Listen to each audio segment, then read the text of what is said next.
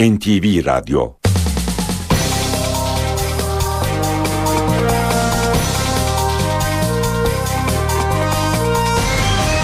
İşe Giderken Mutlu sabahlar. Ben Aynur Altunkaş. Bugün 31 Mayıs Cuma. İşe giderkenle karşınızdayız. Saat 9'a kadar Türkiye ve dünya gündemindeki gelişmeleri, gazete manşetlerini, piyasa verilerini, yol ve hava durumlarını aktaracağız. İşe giderken gündemin öne çıkan başlıklarıyla başlıyor. Taksim Gezi Parkı'ndaki gerilim devam ediyor. Eylemde dördüncü gün polis müdahalesiyle başladı. Protestoculara karşı biber gazı ve tazikli su kullanıldı. Gruptan yaralananlar oldu.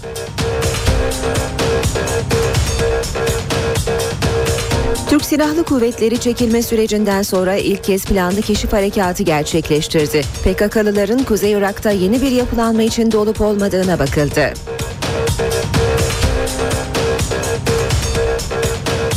Amerikan yönetimi her yıl yayınladığı terörizm raporunu açıkladı. Buna göre PKK Amerika Birleşik Devletleri'nin terör örgütü listesinden çıkarılmadı.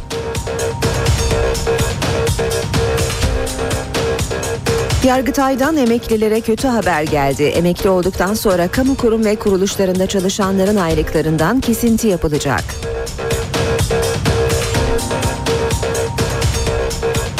İstanbul'a yapılacak 3. köprünün adı ile ilgili tartışmalar sürüyor. CHP ve BDP daha birleştirici bir isimden yana. İktidarsa Yavuz Sultan Selim isminin arkasında.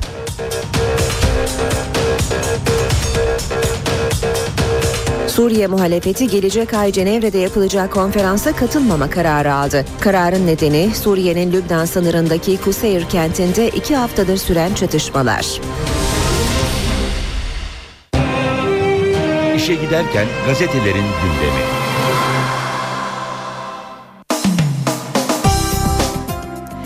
Gazetelerde bugün ortak başlıklardan biri Taksim Gezi Parkı'ndaki ağaçların e, yıkılmasına direnen grupla polis arasında yaşanan gerginlik vatan gaz kesmiyor demiş. Taksim Gezi Parkı'ndaki direniş polisin biber gazlı müdahalelerine rağmen dördüncü gününe girdi. Ağaç sökümü durdu.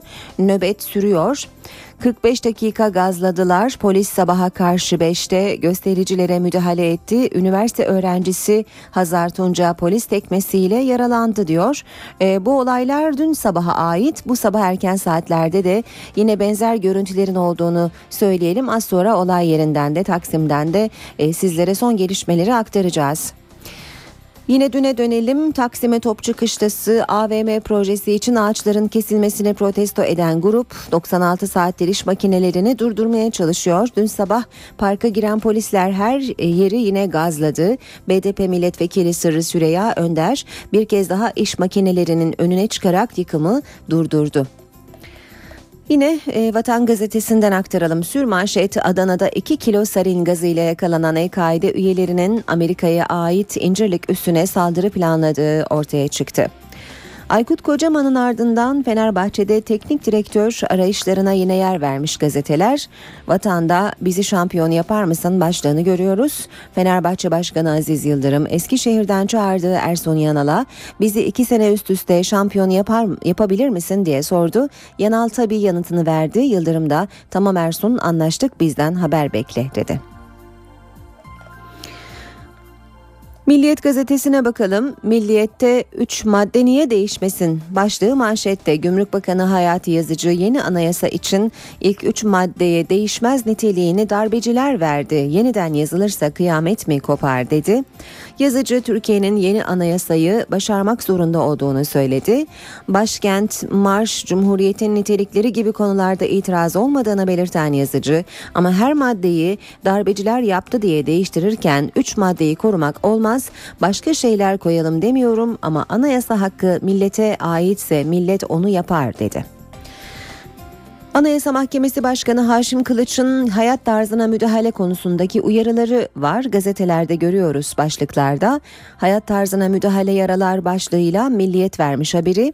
Kılıç TÜSİAD toplantısında çarpıcı mesajlar verdi. Hayat tarzlarına müdahalenin insan onurunda kapanmayan yaralar açtığını söyleyen Kılıç, toplum vicdanı ikna edilmeden atılan adımlar hukuk devletinin sicilini bozuyor. Başkalarının haklarına sahip çıkmak bir insanlık erdemidir dedi Kılıç. Kılıç güçler ayrılığının önemine de dikkat çekerek mutlak güç mutlaka yozlaştırır diye konuştu. Her şeye rağmen ayakta Süleyman Demirel'in 65 yıllık hayat arkadaşı Nazmiye Demirel'in Isparta İslamköy'deki cenaze törenine aralarında Cemil Çiçek, Kemal Kılıçdaroğlu, Bülent Arınç ve Devlet Bahçeli'nin de bulunduğu yaklaşık 5000 kişi katıldı. Bitkin görünen ve ayakta durmakta zorlanan Süleyman Demirel namaza oturarak kılması için konulan sandalyeyi geri gönderdi. Törende Bahçeli Süleyman Demirel'in elini öptü. Devam ediyoruz Hürriyet gazetesiyle. Manşet baba töreye siper oldu. İstanbul'da tüyler ürperten olay Aile 17 yaşındaki SS için töreyi devreye soktu, amca kurşunu sıktı, önüne geçip kızını kurtaran baba ağır yaralandı. Büyük dram Bitlis'teki köylerinden yıllar önce göç eden ailenin 17 yaşındaki kızı SS'nin evlenme hayalleri kurduğu bir genç tarafından terk edilmesiyle başladı. Toplanan aile meclisi töremizin gereği budur diyerek baba İbrahim S'den kızını vurmasını istedi. Üçü kız beş çocuk sahibi baba hayır kızımı asla öldürmem diye bir süre direndi. Bunun üzerine genç kızın amcası Sıddık S devreye girdi. 24 Mayıs günü ailenin Sultanbeyli'deki evine gidip SS'ye hakaret etti ve sen yapmazsan ben yaparım diyerek tabancasını çekti. Baba İbrahim ise kızını kurtarmak için hamle yaptı ve kurşuna hedef oldu. Göğsünden vurulan baba ağır yaralı halde yoğun bakımda. Polis kaçan amcanın peşine düştü. Ölümden son anda kurtulan çaresiz kız savcılık kararıyla korumaya alındı.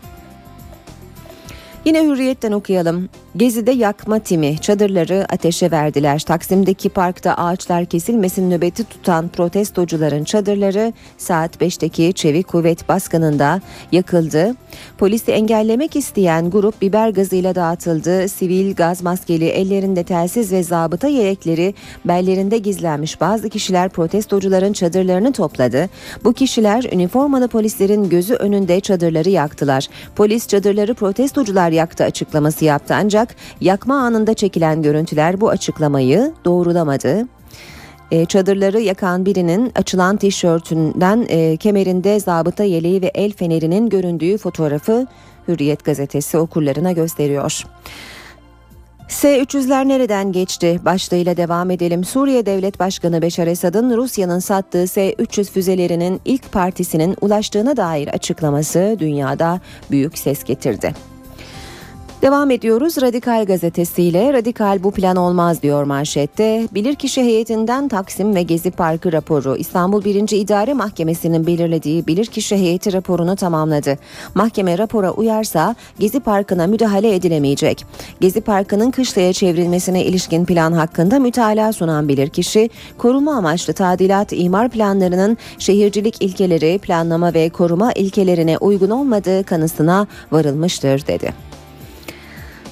Devam ediyoruz. Ee, basın özetlerine sırada Habertürk gazetesi var. Habertürk Cenevre son şans diyor manşetinde. Rusya S-300'leri gizlice Şam'a Rusya S-300'leri gizlice Şam'a geldi. Kültür Bakanı Ömer Çelik, Cenevre'den sonuç çıkmazsa Suriye muhalefeti silahlandırılmalı dedi. Çelik, Şam'ın da katılacağı Cenevre toplantısı için konuştu. Bu son şans Esad'ın zaman kazanması için araç olmamalı, başarısız olursa muhalifler silahlandırılmalı. Habertürk'ten bir başlık daha tarla dönüşü 38 öksüz yer Adıyaman günde 10 saat çalışıp sadece 25 lira yevmiye alan tarım işçileri önceki gece tarladan evlerine dönüyordu. 13 kişilik minibüse 23 kişi bindirildiler. Lastiği patlayan minibüs köprüden uçtu. 9'u kadın 10 tarım işçisi öldü. Ortak cenaze töreninde 7 işçinin 38 öksüzü annelerinin arkasından gözyaşı döktü. Bir anne baba ve tabutuna gelinlik konulan 29 yaşındaki kızları yan yana defnedildi. Önce üfle sonra tükür. Emniyet trafikte alkolden sonra uyuşturucu denetimi de başlatıyor. Kuşkulu sürücü polisteki cihaza tükürecek. THC adlı yasak madde çıkarsa ehliyete 5 yıl el konacak. Hayır demenin cezası 2 yıl. Akşam gazetesine bakalım. Akşamda manşet evet atıldı. Manken Aslıbaş'ın ölümü davasında bir kez daha düşmedi atıldı raporu.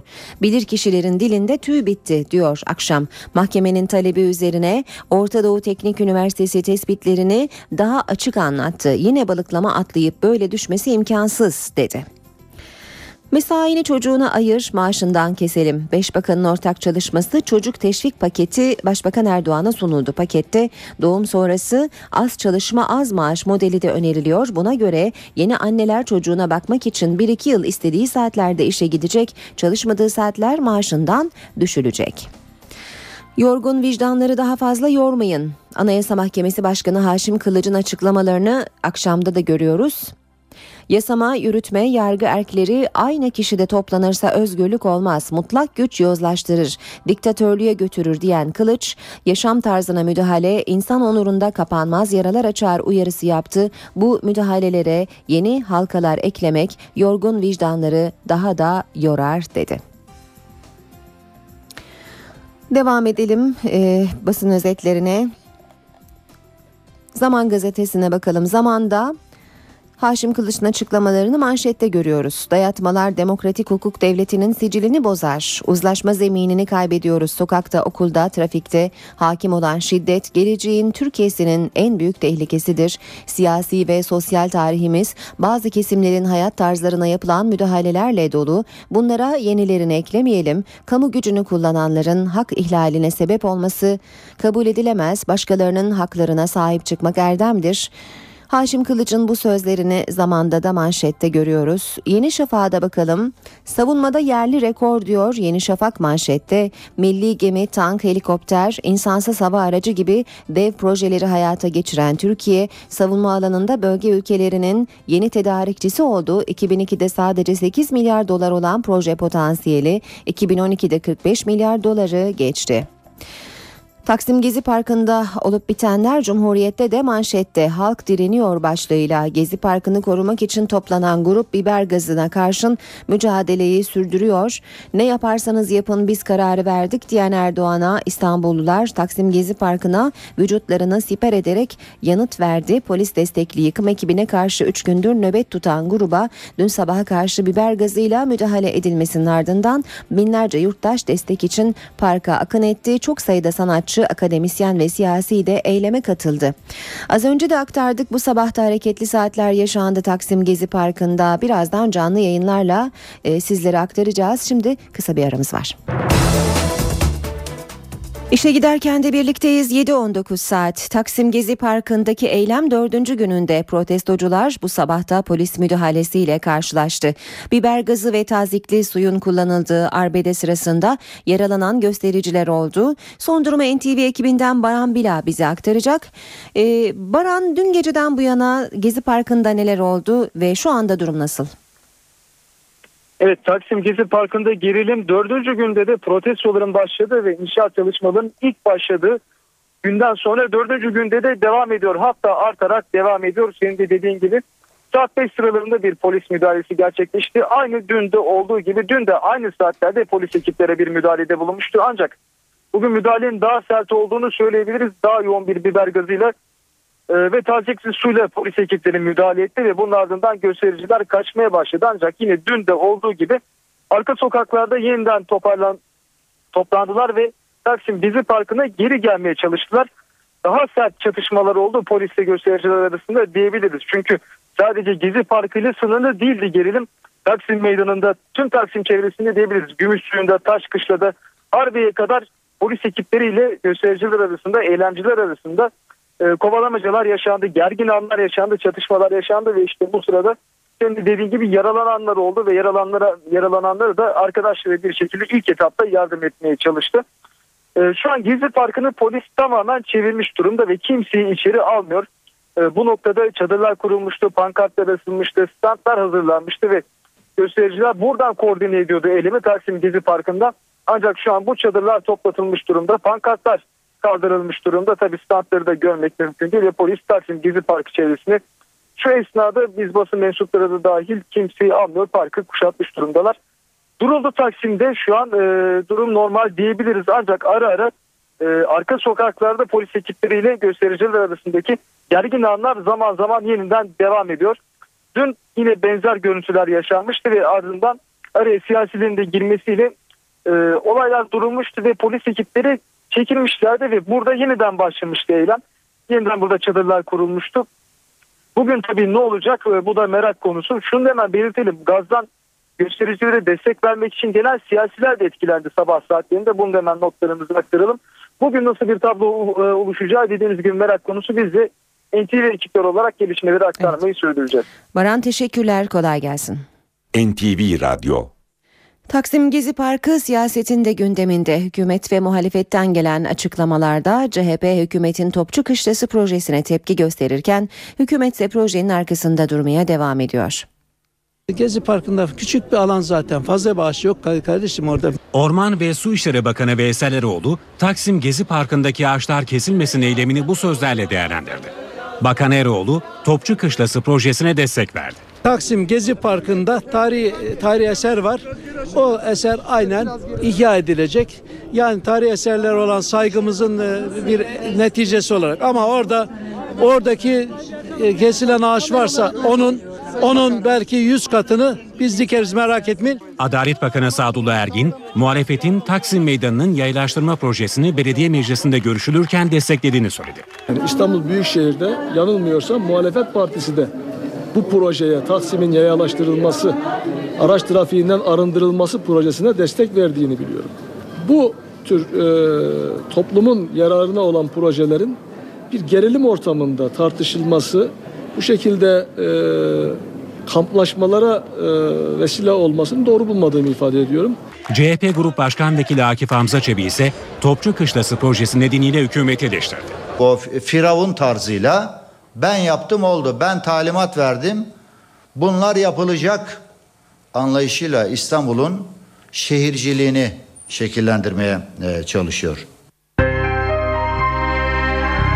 İşe giderken Anayasa Mahkemesi Başkanı Haşim Kılıç, köşkte onay bekleyen tartışmalı alkol düzenlemesiyle ilgili açıklama yaptı. Haşim Kılıç, hayat tarzına müdahale vicdanları yorar dedi. Kılıç'ın gündemindeki konulardan biri de anayasa çalışmalarıydı.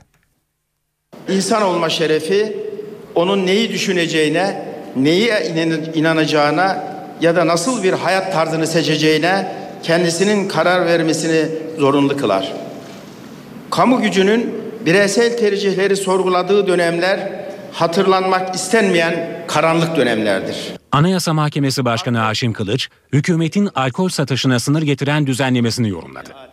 Hayat tarzına müdahale vicdanları yorar dedi. Siyasi ve sosyal tarihimiz toplumun bazı kesimlerinin hayat tarzlarına yapılan müdahalelerin izleriyle doludur. Bunlara yeni halkalar eklemek yorgun vicdanları daha da yoruyor kamu gücünü kullananların sınırları belirsiz tasarruflarla hak ihlaline, ihlaline sebep olması kabul edilemez. TÜSİAD Yüksek İstişare Konseyi toplantısında konuşan Kılıç, siyasilerin nefret söylemlerine de değindi. Gerilim yöntemleri siyasi hayatı şekillendirmeye başlamış ancak yaşanan etnik, dinsel ve ekonomik sorunların çözümünü olumsuz şekilde etkilemektedir. Gerilim öfkeyi, öfke de nefret söylemini beslerken diyalog ve uzlaşma zeminini kaybediyoruz. Kılıç, yeni anayasa konusunda uzlaşı çağrısını yineledi, uzlaşma sağlanamazsa süreç tehlikeye girer dedi. Siyasi partilerimizin tartışılmasını dahi istemedikleri kırmızı çizgili öneriler sürecin oldukça yavaşlamasına sebep olmuştur. Müzakere imkanlarını zorlayarak yeni öneri ve çözümler getirilmedikçe sürecin devamı tehlikeye girecektir. Azınlıkta kalan kesimlerin temel haklarının da sayısal üstünlüklere bakılmaksızın demokrasinin ve hukuk devletinin teminatı altında olduğunu unutmamamız gerekiyor. Alkol düzenlemesi ile ilgili tartışma Başbakan Erdoğan'ın iki ay yaş sözleri üzerinden devam ediyor. Muhalefetin tepkisi hem alkol düzenlemesine hem de Başbakan'ın sözlerine. CHP düzenleme ile özel hayata müdahale edildiği görüşünde. MHP ise iki ay yaş sözüyle ilgili açıklama yapan AK Parti sözcüsü Hüseyin Çelik'e tepkili.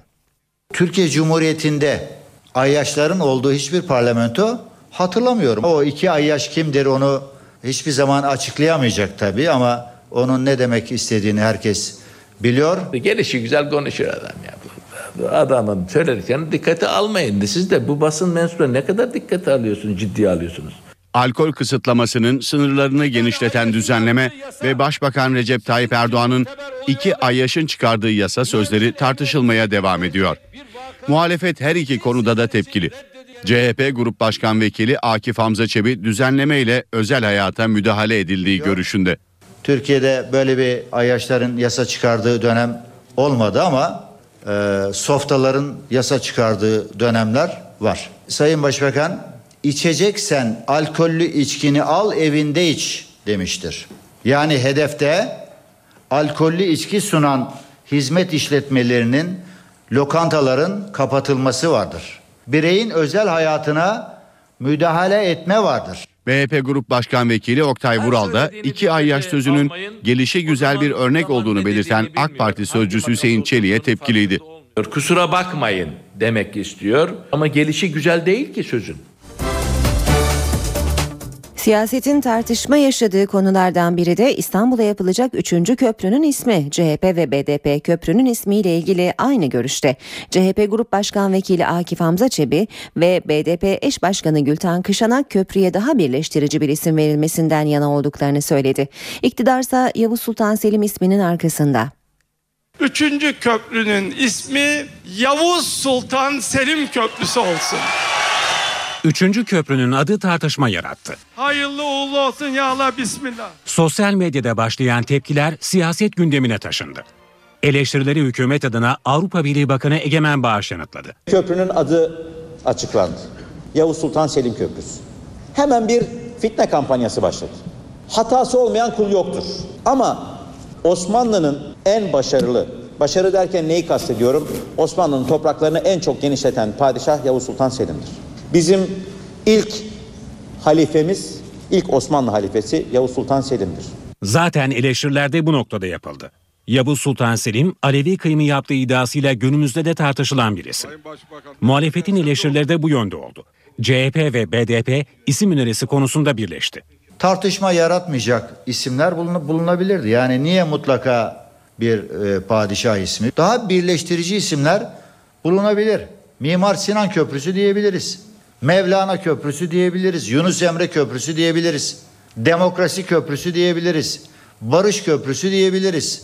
Ne yazık ki Türkiye'de e, modernleşme biraz geçmişle bağını koparma üzerine kurulmuş. E, şimdi yeniden e, o geçmişi bütün ihtişamıyla canlandırma telaşı var. Fakat bu biraz rövanşist bir yaklaşımla oluyor. Yani bu bu nedenle yanlış. Padişah ismi vermek yerine belki Anadolu'yu İstanbul'a taşıyan bir isim verilebilir. Neden Yunus Emre Köprüsü olmasın?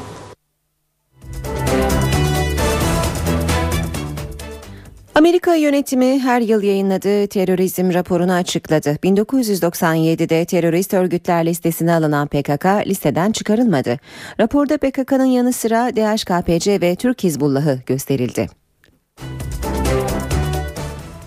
Rapora göre 2012'nin başından Kasım'a kadar Türkiye'de 226 terörist faaliyet gerçekleşti. PKK'ya yönelik operasyonlarda 494 PKK'lı öldürüldü. 155 PKK'lı teslim oldu. Raporda Türk yasalarındaki sınırlı terörizm tanımı da eleştirildi. Birçok EKİ'de bağlantılı militanın Türkiye'den yasa dışı biçimde geçmeye çalışırken gözaltına alınmasına rağmen Türkiye'nin yasalarındaki boşluklar nedeniyle bu kişilerin kovuşturmaya uğramadan kendi ülkelerine gönderildikleri ifade edildi.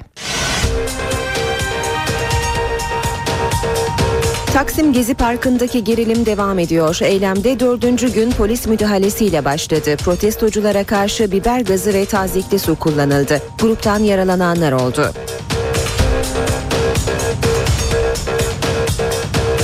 Türk Silahlı Kuvvetleri çekilme sürecinden sonra ilk kez planlı keşif harekatı gerçekleştirdi. PKK'lıların Kuzey Irak'ta yeni bir yapılanma içinde olup olmadığına bakıldı.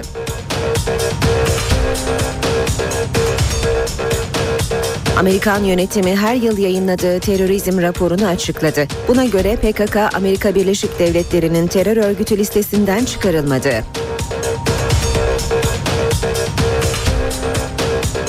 Yargıtay'dan emeklilere kötü haber geldi. Emekli olduktan sonra kamu kurum ve kuruluşlarında çalışanların aylıklarından kesinti yapılacak.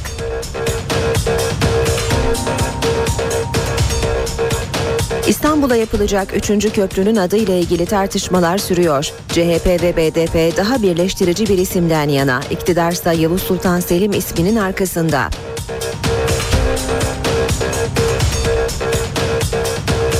Suriye muhalefeti gelecek ay Cenevre'de yapılacak konferansa katılmama kararı aldı. Kararın nedeni Suriye'nin Lübnan sınırındaki Kuseyir kentinde iki haftadır süren çatışmalar.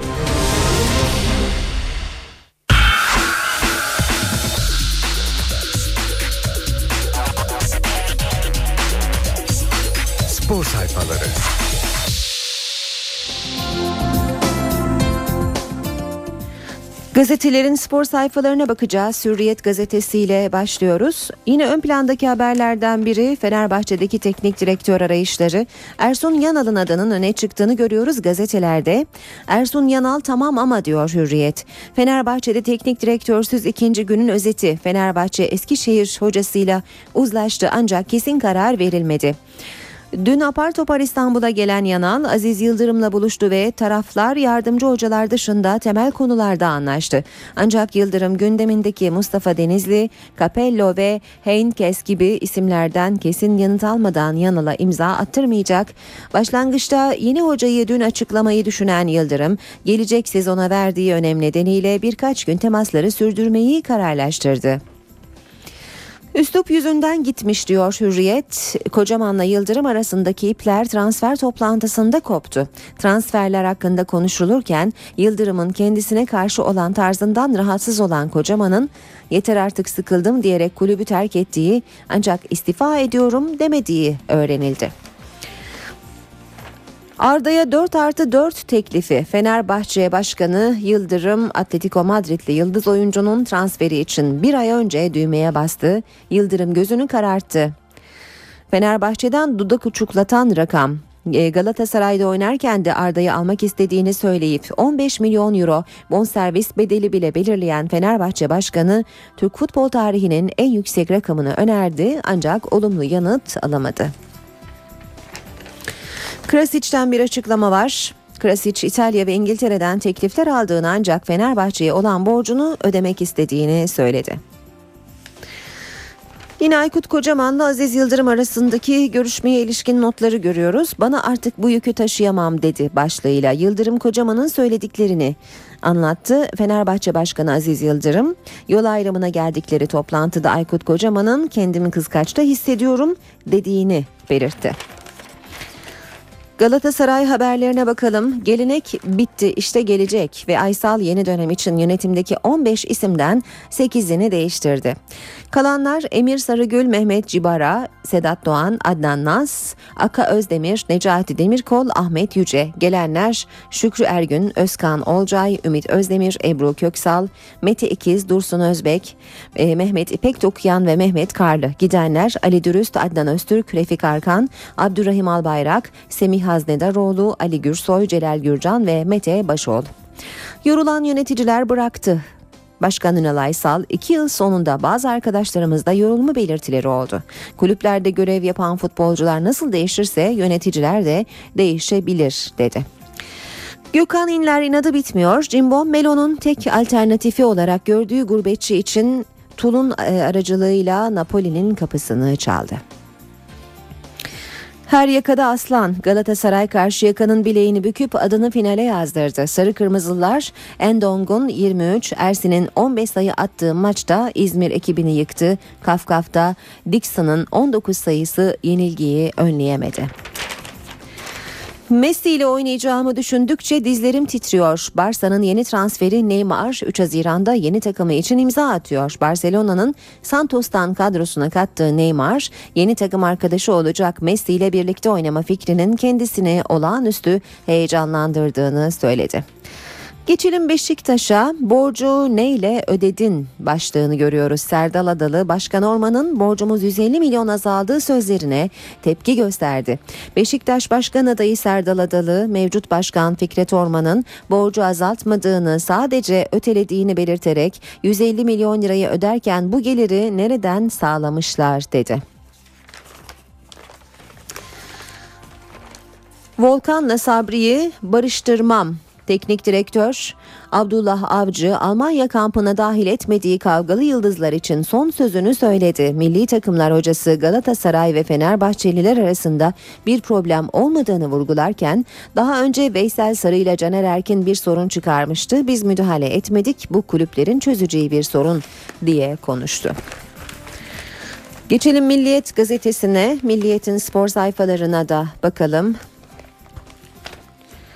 Aktaracağımız ilk başlık Lucescu sürprizi. Başkan Aziz Yıldırım hoca transferi için Tolga Deniz Aytöre, Ömer Temelli ve Şekip Mosturoğlu'ndan oluşan bir komiteyi görevlendirdi.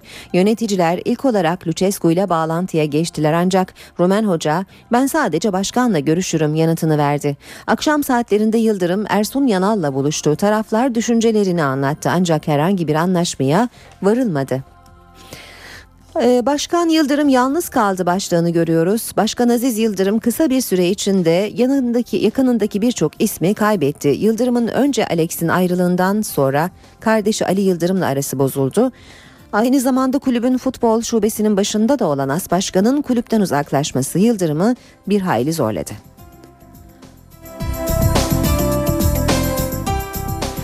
Hocamız bana direkt ulaşsın. Ünal Aysal Galatasaray TV'de yaptığı açıklamalarda futbol şubesi kurulmasını istemediğini söyledi. Hoca ile benim aramda böyle bir aracı kurum olmasına gerek yok. Hocanın direkt bana ulaşmasını istiyorum.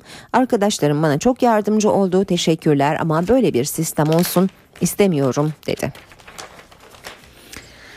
Devam edelim yine Milliyet gazetesinden aktarmaya. Djokovic ter attı. Bir numaralı seri başı Sırp raket Arjantinli Pella'yı 86 dakika süren maçta 3-0 mağlup ederek 3. tura yükseldi. Seri Bandırma'da devam ediyor. Beko Basketbol Ligi playoff yarı finalinde bugün Anadolu Efes Banvit serisinin 3. maçı oynanacak. Maç saat 20'de. Son olarak da Habertürk'e bakalım. Habertürk'te Yanal tamam ama başlığını görüyoruz. Fenerbahçe'de yeni çalıştırıcı olarak düşünülen Ersun Yanal dün İstanbul'a geldi. Yapılan görüşmede büyük ölçüde anlaşma sağlandı. Ancak futbol genel direktörlüğü teklifi götürülen Rıdvan Dilmen'in hocayı ben seçerim şartı olayı belirsizliğe taşıdı demiş Habertürk haberinde. Gazetelerin spor sayfalarından haberler aktardık. İşe giderken Gündemdeki gelişmelere bakalım. Türk Silahlı Kuvvetleri çekilme sürecinden sonra ilk kez Kuzey Irak'ta keşif uçuşu yaptı. Uçuşun amacı ise PKK'lıların Kuzey Irak'ta yeni bir yapılanma içinde olup olmadığına bakmaktı. Elde edilen görüntüler Genelkurmay'da kapsamlı bir şekilde değerlendirilecek. Türk Silahlı Kuvvetleri bir ay aradan sonra Kuzey Irak'ta keşif uçuşu yaptı.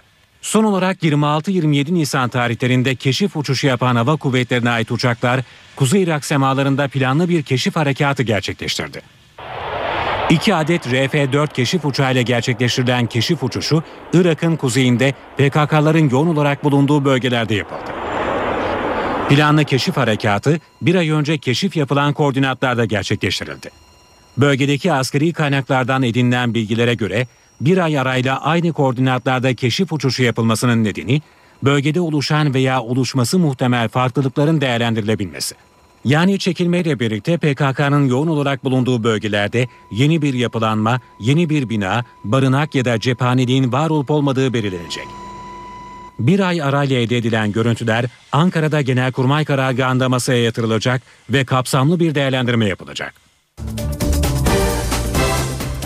Türk Silahlı Kuvvetleri'nde yeni bir dönem başladı. Türk Silahlı Kuvvetleri İç Hizmet Yönetmeliğinde yapılan değişiklikle artık tutuklu komutanların boşluğunu başka subaylar dolduracak. Yönetmelikte nöbet tutmakla ilgili değişiklik de söz konusu.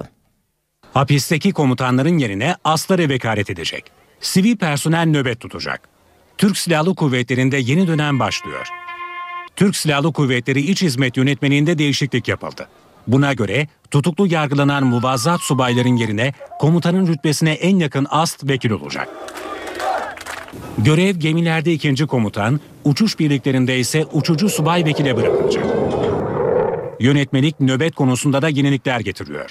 En önemli değişiklik ise bundan sonra sivil personelinde nöbet tutacak olması. Nöbetler 24 saat esasına göre olacak.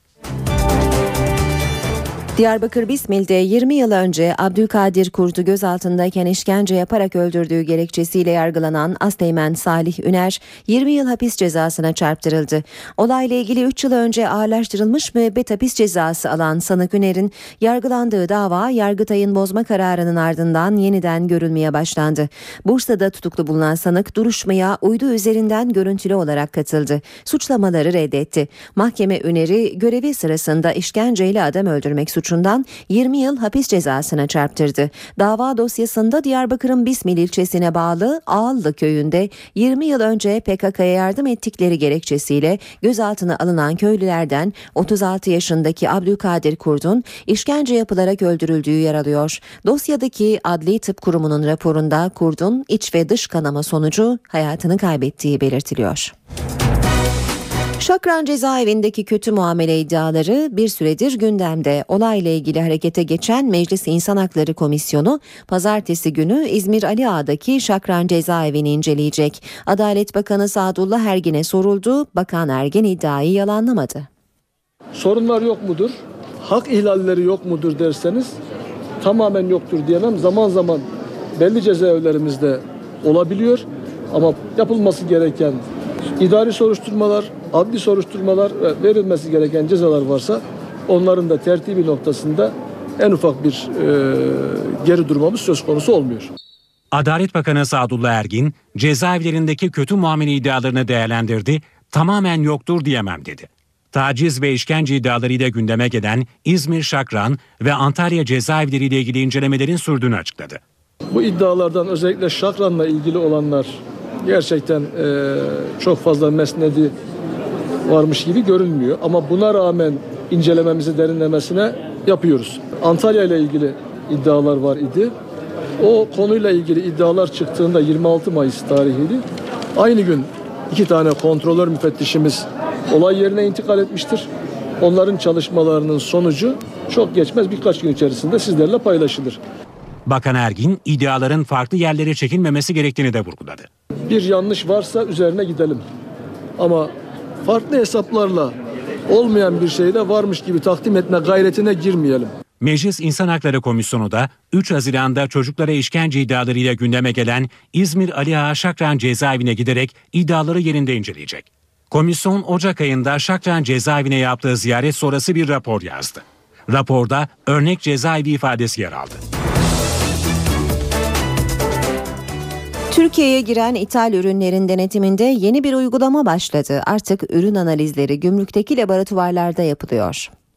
Kumaş boyasından kağıda, gıda ürünlerinden motorine kadar yüzlerce ithal ürün Türkiye'ye girmeden önce bu laboratuvarlarda inceleniyor. Petrol, gıda, metal, kağıt, tekstil, polimer ve kimya ana hizmet birimlerinde hizmet veriyoruz. Kırtasiye ve oyuncakların ithal edilmesi aşamasında bunların e, insan sağlığı açısından uygun olup olmadığı yönünde de analizlerimiz devam edecek. Gümrük ve Ticaret Bakanlığı Ankara, İstanbul, İzmir, Kocaeli, Bursa ve Mersin'deki 6 laboratuvarda ithal ürünlerin hem beyan edilen standartlara uygun olup olmadığını kontrol ediyor hem de halk sağlığı açısından tehlike yaratacak içerikte olup olmadığına bakıyor. %30'a 40'a yakın farklı beyan edilen e, ürünlerin analizlerini, tespitlerini yapıyoruz. E, bu durumda Kaçakçılar Mücadele Kanunu çerçevesinde veyahut da Gümrük Kanunu ilgili maddeler, cezai yaptırımların ne gerekiyorsa onların uygulamasını da gerçekleştirmiş oluyoruz. Gümrükte yapılan analizler düşük vergi grubunda gösterilerek vergi kaçağına sebep olan ürünlerin tespitini sağlıyor. LPG olsun, motorin olsun, asfalt olsun e, ve diğer kimyasallarla ilgili beyan edilip de akaryakıt çıkan ürünler söz konusu. Onda vergi oranı yüksek, e, kepekte vergi oranı e, düşük söz konusuydu. E, firmanın bir tanesi bunu kepek olarak beyan etti. Baharatta vergi oranı yüzde 150 iken sosta vergi oranı yüzde sıfırdı. E, tabii yaptığımız e, çalışmada bunu sos olarak beyan eden bir firmanın e, buradaki yaptığımız analize baharat getirdiğini tespit ederek buna ilişkin yaptırımları da yerine getirdik. NTV Radyo Günaydın herkese yeniden ben Aynur Altunkaş. Yeni, e, yeni saate girerken Gökhan Abur'la son hava tahminlerini konuşacağız. Önce gündemin başlıklarını hatırlatalım.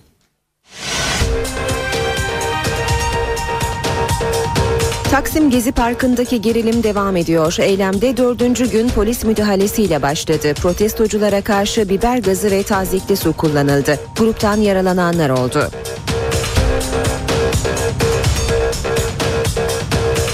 Türk Silahlı Kuvvetleri çekilme sürecinden sonra ilk kez planlı keşif harekatı gerçekleştirdi. PKK'lıların Kuzey Irak'ta yeni bir yapılanma içinde olup olmadığına bakıldı.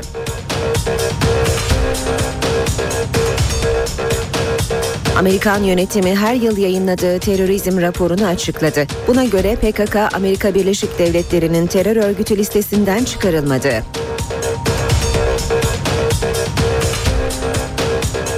Yargıtay'dan emeklilere kötü haber geldi. Emekli olduktan sonra kamu kurum ve kuruluşlarında çalışanların aylıklarından kesinti yapılacak.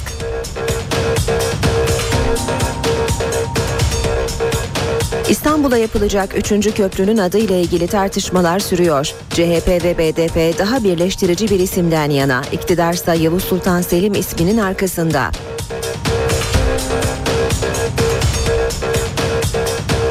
Suriye muhalefeti gelecek ay Cenevre'de yapılacak konferansa katılmama kararı aldı. Kararın nedeni Suriye'nin Lübnan sınırındaki Kuseyir kentinde iki haftadır süren çatışmalar. Ve hava durumu yanımızda Gökhan Abur var demiştik. Günaydın Sayın Abur. Günaydın. E, yurdun bazı bölgelerinde hava gerçekten çok bunaltıcı. Bugün nasıl olacak? Evet e, aslına bakarsanız hakikaten dün de çok bunaltıcı bir hava vardı. E, çöl tozları oldukça etkilenmişti. Yine Ege'de bugün öğle saatlerine itibaren sert esmesini beklediğimiz bir lodos var. Özellikle Çeşme civarında ve Çanakkale Bozcaada Gökçeada arasındaki bölgede öğle saatlerinde zaman zaman hızını 40 kilometrelere çıkaracak bir lodos gözüküyor şu an itibariyle. E, bugün için sıcaklıklarda önemli değişiklik yok. Sıcaklıklar yine mevsim ortalamalarının yer yer 5-6 derece yükseğinde olacak. İç kesimlerde 29 ile 31 derece arasında sıcaklık değişimleri görülürken güneyde bugün yine 32 ile 38 derece arasında hissedilen sıcaklıklar olacak. Her ne kadar Antalya'da sıcaklık termometre sıcaklığı 33 dereceye çıksa bile beklediğimiz hissedilen sıcaklık 38 çünkü nem oranı yine Akdeniz'de oldukça yüksek. İstanbul bugün biraz daha nefes alıyor çünkü öğle saatlerinde rüzgar karayele dönecek ve bugün için İstanbul'da beklediğimiz en yüksek sıcaklık 29 derece gece sıcaklığı ise 18 derece olacak. Yarın Trakya'dan başlayarak hava serinliyor. Önce Trakya ve Marmara'da hafif bir serinleme olacak. Pazar günü ise bu serinleme Ege, Marmara iç kesimlerde etkisi altına alacak ve havanın serinlemesine bağlı olarak batı bölgeler yeni bir yağışlı havanın etkisi altına girecek. Ki bu yağışların Marmara'nın güneyinde ve Kuzey Ege'de daha kuvvetli olmasını bekliyoruz. İç kesimlere doğru ilerleyecek. Ege'de çok uzun süreli değil. Pazartesi günü Ege'de yağış etkisini kaybedecek ama Marmara'nın güney ve doğusu ve Karadeniz boyunca yağışlar devam edecek. Bizleri bekleyen hava koşulları genelde böyle. Bakıyorum evet bugün Ankara'da oldukça sıcak 31 derece olacak. İzmir'de de sıcaklık 30 derece. Gece sıcaklığı 19. İzmir'de de pazar günü yer yer özellikle İzmir'in kuzey kesimlerinde kuvvetli sağanak geçiş olacağını hatırlatmak istiyorum. Bizleri bekleyen koşullar böyle. Teşekkürler. Gökhan Abur bizimleydi. İşe giderken gazetelerin gündemi. Bugün e, Taksim Gezi Parkı'ndaki yaşananları gazetelerin birinci sayfalarında kimi gazetelerde de e, manşetlerde görüyoruz. Dün sabaha karşı e, protestoculara polisin yaptığı müdahaleyi e, başlıklarda okuyoruz. Bu sabahki gelişmeleri de sizlere programımız içinde duyurmaya çalışıyoruz. Ee, Cumhuriyet gazetesi halk direniyor demiş manşette. Gezi Parkı'nı korumak için toplanan grup biber gazına karşın mücadeleyi sürdürüyor diyor Cumhuriyet. Ne yaparsanız yapın biz kararı verdik diyen Erdoğan'a İstanbullular Taksim Gezi Parkı'na vücutlarını siper ederek yanıt verdi deniyor haberde. Ee, Vatan gazetesi de gaz kesmiyor demiş. Taksim Gezi Parkı'ndaki direniş polisin biber gazlı müdahalelerine rağmen dördüncü gününe girdi. Ağaç sökümü durdu, nöbet sürüyor. Polis sabaha karşı 5'te göstericilere müdahale etti. Üniversite öğrencisi Hazar Tunca polis tekmesiyle yaralandı. Taksim'e Topçu Kışlası AVM projesi için ağaçların kesilmesini protesto eden grup 96 saattir iş makinelerini durdurmaya çalışıyor. Dün sabah parka giren polis her yeri yine gazladı. BDP milletvekili Sırrı Süreyya Önder bir kez daha iş makinelerinin önüne çıkarak yıkımı durdurdu. Polisin şafak baskınını öğrenen on binlerce kişi geziye koştu. Uluslararası Çevre Örgütü Greenpeace dayanışma çağrısı yaptı. 79 sivil toplum örgütü yanınızdayız bildirisi yayınladı. Siyasetçiler, sanatçılar destek verdi. Sosyal medyada dünün tek konusu Gazi nöbet, e, Gezi nöbeti oldu. Hürriyet gazetesi de e, haberinde Gezi'de yakma timi başlığını kullanmış. Çadırları ateşe verdiler. Taksim'deki parkta ağaçlar kesilmesin nöbeti tutan protestocuların çadırları saat 5'teki çevik kuvvet baskınında yakıldı. Polisi engellemek isteyen grup biber gazıyla dağıtıldı. Sivil gaz maskeli, ellerinde telsiz ve zabıta yelekleri, bellerinde gizlenmiş bazı kişiler protestocuların çadırlarını topladı. Bu kişiler üniformalı polislerin gözü önünde çadırları yaktılar. Polis çadırları protestocular yaktı açıklaması yaptı ancak ancak yakma anında çekilen görüntüler bu açıklamayı doğrulamadı. Söz konusu fotoğrafları görüyoruz hürriyette.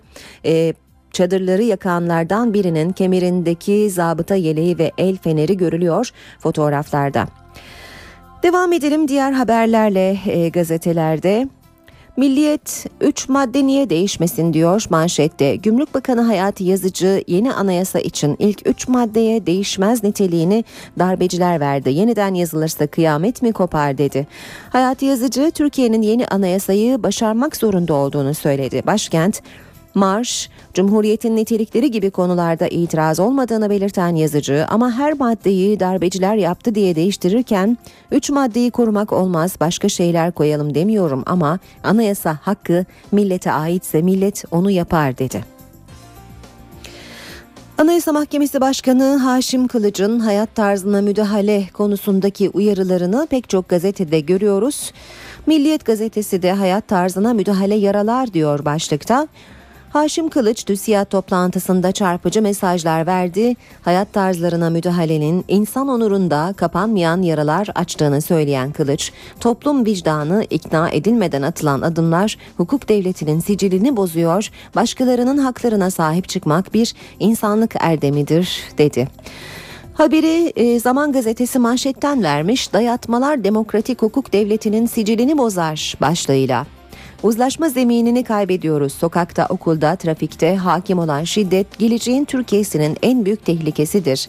Siyasi ve sosyal tarihimiz bazı kesimlerin hayat tarzlarına yapılan müdahalelerle dolu. Bunlara yenilerini eklemeyelim.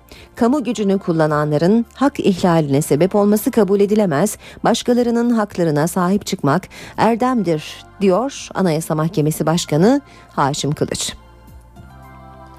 Hürriyette manşet baba töreye siper oldu. İstanbul'da tüyler ürperten olay. Aile 17 yaşındaki SS için töreyi devreye soktu. Amca kurşunu sıktı. Önüne geçip kızını kurtaran baba ağır yaralandı. Büyük dram Bitlis'teki köylerinden yıllar önce göç eden ailenin 17 yaşındaki kızı SS'nin evlenme hayalleri kurduğu bir genç tarafından terk edilmesiyle başladı. Toplanan aile meclisi töremizin gereği budur diyerek baba İbrahim S'den kızını vurmasını istedi. Devam ediyoruz basın özetlerine. Radikale bakalım. Bu plan olmaz diyor radikal manşette. Bilirkişi heyetinden Taksim ve Gezi Parkı raporu. İstanbul 1. İdare Mahkemesi'nin belirlediği bilirkişi heyeti raporunu tamamladı. Mahkeme rapora uyarsa Gezi Parkı'na müdahale edilemeyecek. Gezi Parkı'nın kışlaya çevrilmesine ilişkin plan hakkında mütalaa sunan bilirkişi, koruma amaçlı tadilat, imar planlarının şehircilik ilkeleri, planlama ve koruma ilkelerine uygun olmadığı kanısına varılmıştır dedi.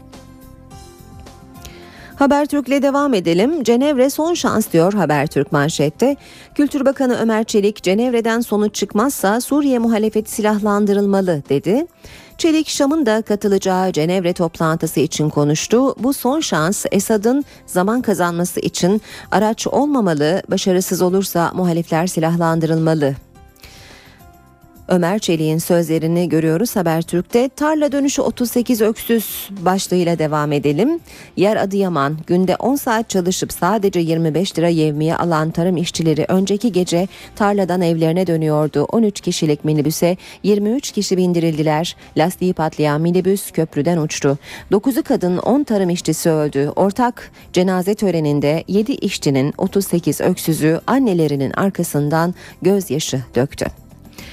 Bir başka haber İkinci SS harekatı. Eskişehirli Alper Potuk'u Galatasaray'ın elinden alan iş adamı Yüksel Çağlar, SS'in hocası Ersun Yanal'la dün Bodrum'dan İstanbul'a geldi. Yanal Aziz Yıldırım'la masaya oturdu. Devam ediyoruz Vatan gazetesiyle korkunç plan diyor sürmanşeti Vatan'ın. Adana'da 2 kilo sarin gazı ile yakalanan El-Kaide üyelerinin Amerika'ya ait İncirlik üstüne saldırı planladığı ortaya çıktı deniyor haberde. Trafikte üfle yala dönemi sürücülere hasarlı kazalarda artık alkolün yanı sıra uyuşturucu muayenesi de yapılacak. Dile sürülen tableti yalamayana 2000 lira ceza var ehliyeti de 2 yıl alıkonacak. Akşam gazetesine bakalım. Evet atıldı diyor akşam manşette. Manken Aslıbaş'ın ölümü davasında bir kez daha düşmedi atıldı raporu. Bilir kişilerin dilinde tüy bitti. Mahkemenin talebi üzerine Orta Doğu Teknik Üniversitesi tespitlerini daha açık anlattı. Yine balıklama atlayıp böyle düşmesi imkansız dedi. Sabah gazetesine bakalım. Sabahta manşet filmdeki Kerim yargıda mahkum. Yargıtay 3 kişinin karıştığı tecavüz olayında ilişkiye girmeyip kadını teselli eden Ufuk K'ye verilen 10 yıl hapis cezasını onadı diyor Sabah haberinde ve Yeni Şafak'la bitiriyoruz basın özetlerini. Savunmada yerli rekor. Milli gemi, tank, helikopter, insansız hava aracı gibi dev projeleri hayata geçiren Türkiye savunma alanında bölge ülkelerinin yeni tedarikçisi oldu. 2002'de sadece 8 milyar dolar olan proje potansiyeli 2012'de 45 milyar doları geçti. Ankara gündemi.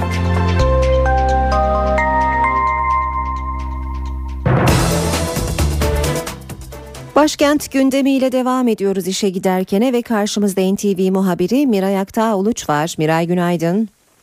Günaydın Aynur. E, rutin gündeme geçmeden önce Yargıtay'dan emekliler için gelen bir e, haberden bahsedelim. Emekli olduktan sonra kamu kurum ve kuruluşlarında çalışanların aylıklarından kesinti yapılacak. Önce bununla ilgili ayrıntıları bize aktarabilir misin? Aynur Yargıtay'dan emeklilere kötü haber geldi. Emekli olduktan sonra kamu kurum ve kuruluşlarında çalışan emeklilerle ilgili karar aslında pek de e, emeklileri sevindirecek bir karar değil. Yargıtay Hukuk Genel Kurulu emeklilik aylığı alanların bu aylıkları kesilmeden bir kamu kurum ve kuruluşunda görev yapamayacaklarına karar verdi. Yargıtay ayrıca bu durumdaki emeklilerin fiilen çalıştıkları dönemdeki emeklilik aylıklarının Sosyal Güvenlik Kurumunca kesilmesine ve gençlik ödenen aylıklarında geri alınması gerektiğine hükmetti. İşte bu kararın tartışma konusu olacağı da görünüyor şimdiden.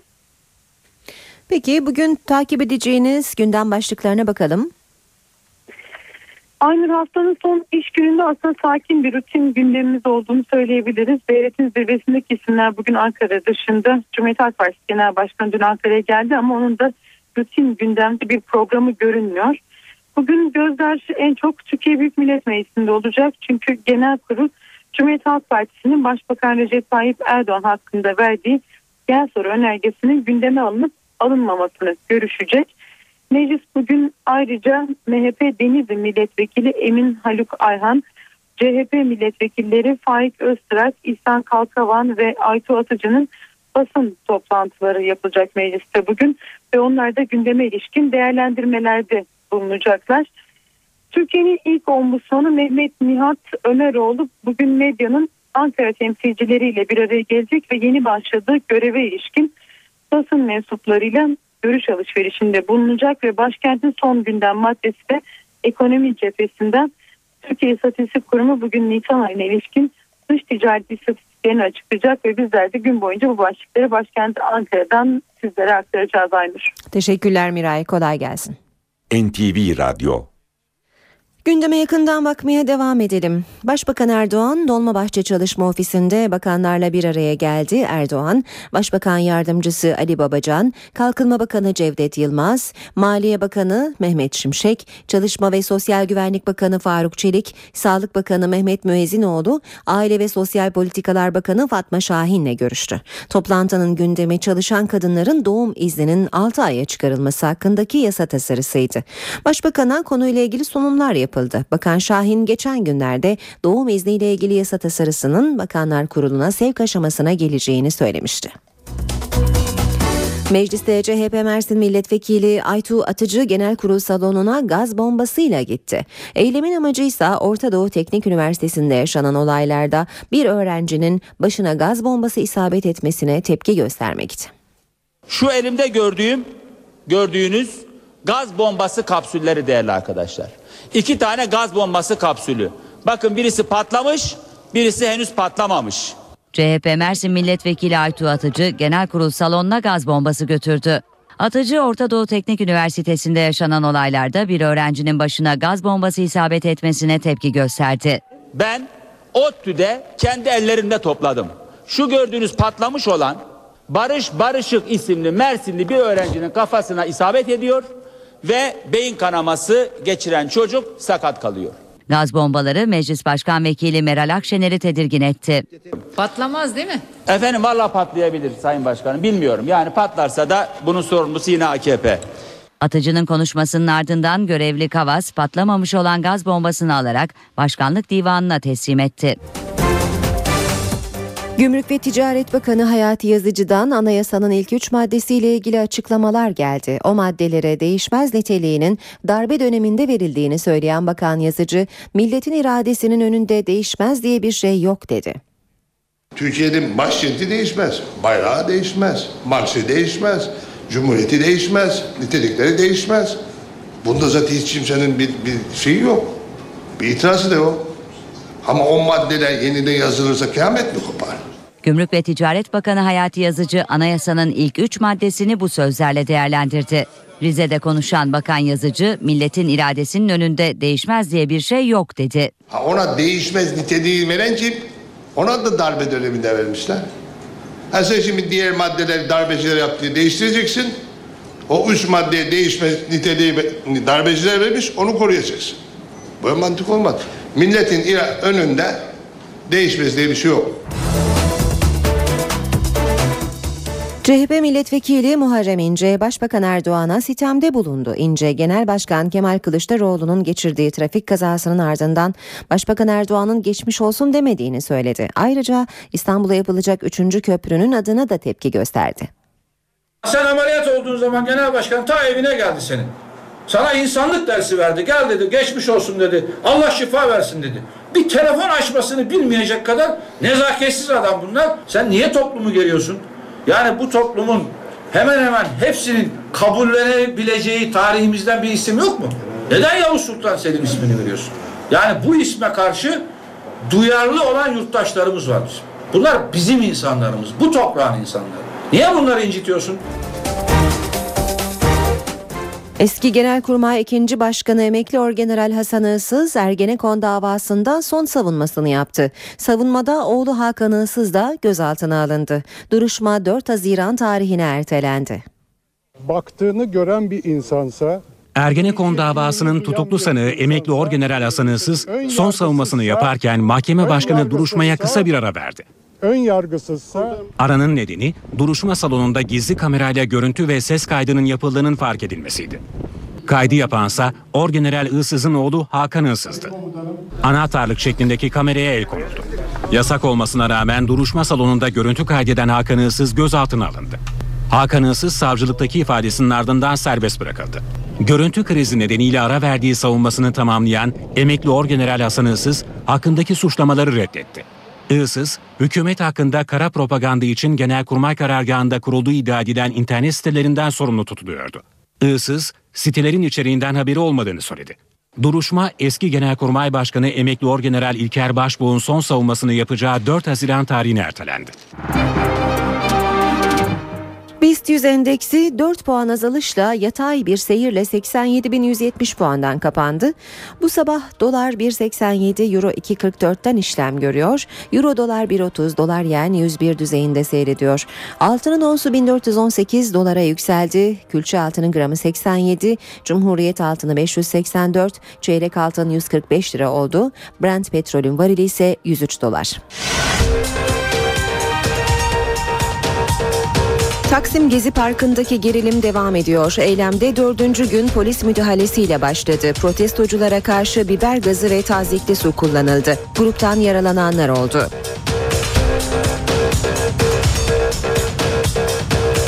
Türk Silahlı Kuvvetleri çekilme sürecinden sonra ilk kez planlı keşif harekatı gerçekleştirdi. PKK'lıların Kuzey Irak'ta yeni bir yapılanma içinde olup olmadığına bakıldı.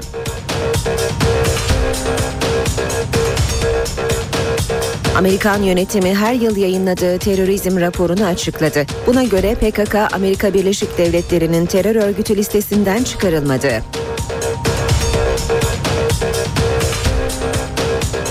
Yargıtay'dan emeklilere kötü haber geldi. Emekli olduktan sonra kamu kurum ve kuruluşlarında çalışanların aylıklarından kesinti yapılacak.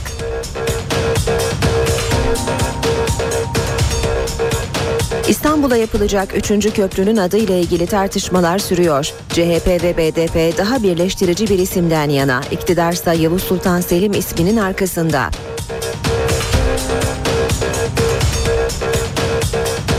Suriye muhalefeti gelecek ay Cenevre'de yapılacak konferansa katılmama kararı aldı. Kararın nedeni Suriye'nin Lübnan sınırındaki Kuseyir kentinde iki haftadır süren çatışmalar. Saat 8.38 işe giderken de şimdi dünyanın gündemine bakacağız. Suriye muhalefeti gelecek ay Cenevre'de yapılacak konferansa katılmama kararı aldı. Kararın nedeni Suriye'nin Lübnan sınırındaki Kuseyir kentinde iki haftadır süren çatışmalar.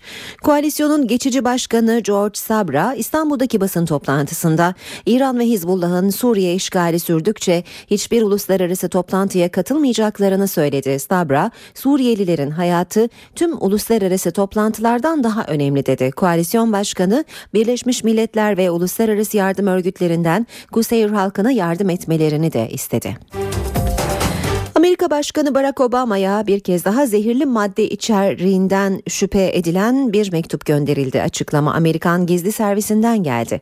Mektubun New York Belediye Başkanı Michael Bloomberg'e dün gönderilen mektupla benzerlik gösterdiği belirtiliyor. Mektupta zehirli risin maddesinin olduğu tahmin ediliyor. Geçen haftalarda Başkan Obama'nın da aralarında olduğu çok sayıda Amerikalı üst düzey isme zehirli mektup gönderilmişti. Olayla ilgili bir kişi gözaltına alınmıştı. İstanbul'un fethinin yıl dönümünde kutlamalar yapılırken Yunanistan'da ise protesto vardı. 29 Mayıs'ta saygı duruşu önerisinde bulunan ırkçı Altın Şafak Partisi İstanbul'u geri alacağız dedi.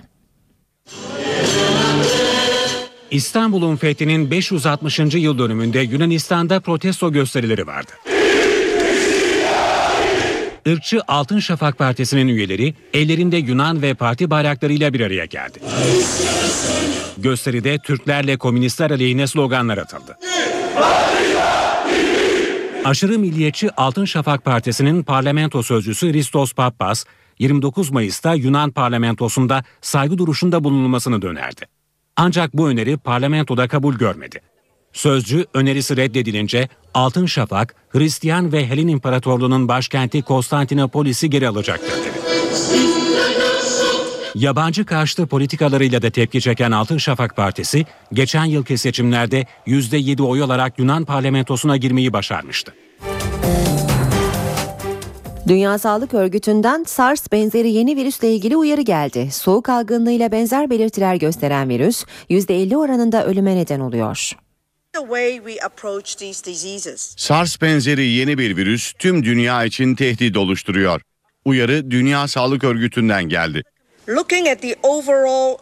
Küresel duruma baktığımızda şu an en büyük endişem SARS benzeri yeni virüs. Bu virüs ve yol açabileceği tehdit hakkında bilgimiz çok az. Bu tüm dünya için tehdit oluşturuyor.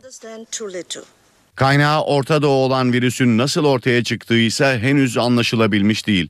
Virüsün %50 oranında ölüm riski taşıması en büyük endişe kaynağı. Virüs soğuk algınlığına benzer belirtilerle kendini gösteriyor. Bu virüs SARS'la aynı aileden. Öksürük, yüksek ateş belirtiler arasında. Hastalığın ciğerlere inmesiyle süreç kötüleşiyor. Zatürreye neden oluyor. Bu zatürrede organların oksijen almasını engelliyor. Sonra organlar iflas ediyor. Şu ana kadar çoğunluğu Arap Yarımadası'nda olmak üzere toplam 49 vakaya rastlandı, 27'si hayatını kaybetti. Virüsün görüldüğü ülkeler arasında Suudi Arabistan, Katar, Birleşik Arap Emirlikleri, Ürdün, Fransa, Almanya ve İngiltere var. Nasıl bulaştığı tam olarak bilinmese de yakın temasın hastalığın geçmesinde etkili olduğu belirtiliyor. Rus bilim insanları Sibirya'da bir mamut kalıntısı buldu. Mamut bilim insanlarını şoke edecek derecede iyi korunmuştu. Mamuttan alınan doku ve kan örnekleriyle nesli tükenen bu hayvanın klonlanabileceği belirtiliyor. Sibirya'da çalışmalarını sürdüren Rus bilim adamları nesli binlerce yıl önce tükenen mamut kalıntısı buldu. Buluş heyecan yarattı. Zira öncekilerin aksine mamut kalıntısı şaşırtıcı derecede iyi korunmuştu. Bilim adamları iskeleti hatta yumuşak dokuları dahi korunan mamuttan kan örneği almayı da başardı. Dokuların böylesine iyi korunmuş olması mamut bedeninin buzlarda gömülmüş olmasına bağlanıyor. 10-15 bin yıl önce yaşayan mamutun 50-60 yaşlarında olduğu tahmin ediliyor.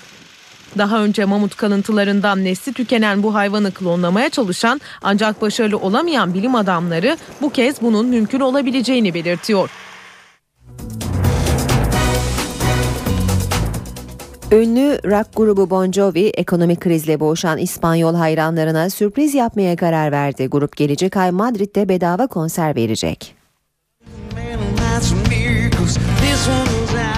Ünlü rock yıldızı John Bon Jovi'den İspanyol hayranlarına jest geldi.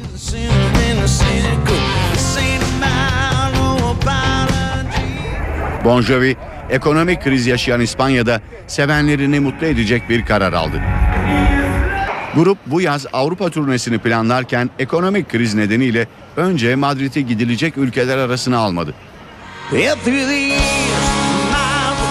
Daha sonra fikir değiştiren Bon Jovi, İspanya biletlerinin indirimli satılmasını kararlaştırdı. Manchester konserinin biletleri İngiltere'de 76 euroya satılırken Madrid konserlerinin biletleri 18 ila 39 euro arasında satışa çıktı. 51 yaşındaki John Bon Jovi bununla da yetinmedi. Konserin tamamen ücretsiz olmasına karar verdi.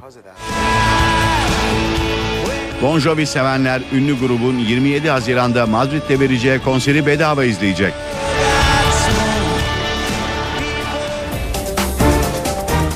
Ve bir başka konser haberi bu kez İstanbul'dan.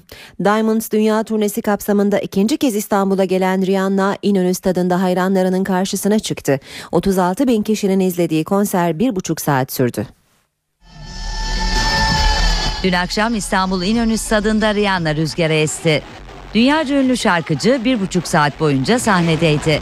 Konserden birkaç saat önce İstanbul'a gelen Rihanna bir süre havalimanında bekledi. Rihanna daha sonra deniz yoluyla Beşiktaş'a geçti. Stat çevresindeki yoğunluk saatler öncesinden başladı. Beşiktaş'ta stada çıkan yollarda trafik durma noktasına geldi. Rihanna hayranları konser öncesinde uzun kuyruklar oluşturdu. Bilet bulamayanlarsa konseri Beleştepe olarak adlandırılan yerden seyretti. Biletleri haftalar öncesinden tükenen konser için stat çevresinde 7'den 70'e binlerce kişi toplandı. Baba kız geliyoruz. Doğum günü hediyesi onun. 10 yaş doğum günü. Konser öncesinde 3 aydır heyecanla bekliyordu. Ne zaman gelecek, ne zaman gelecek ve sonunda o gün geldi çattı. Nasıl hissediyorsun? Heyecanlı. Çok büyük heyecanım vardı. Ee, bu yüzden çok mutluyum. Onu göreceğim, şarkılarını dinleyebileceğim. Ee, yani hiç anlatılamaz bir mutluluk. Ünlü isimler de konserdeydi. 6 Grammy, 7 Billboard ödülü sahibi Rihanna'yı 36 bin kişi izledi. 2000 kişinin çalıştığı konser 250 metrekarelik bir sahnede gerçekleşti. Ünlü yıldız konserden sonra İstanbul'dan ayrıldı. Bitiriyoruz böylece işe giderkeni. Ben Aynur Altunkaş. Saat başında yeniden buluşmak üzere. Hoşçakalın. NTV Radyo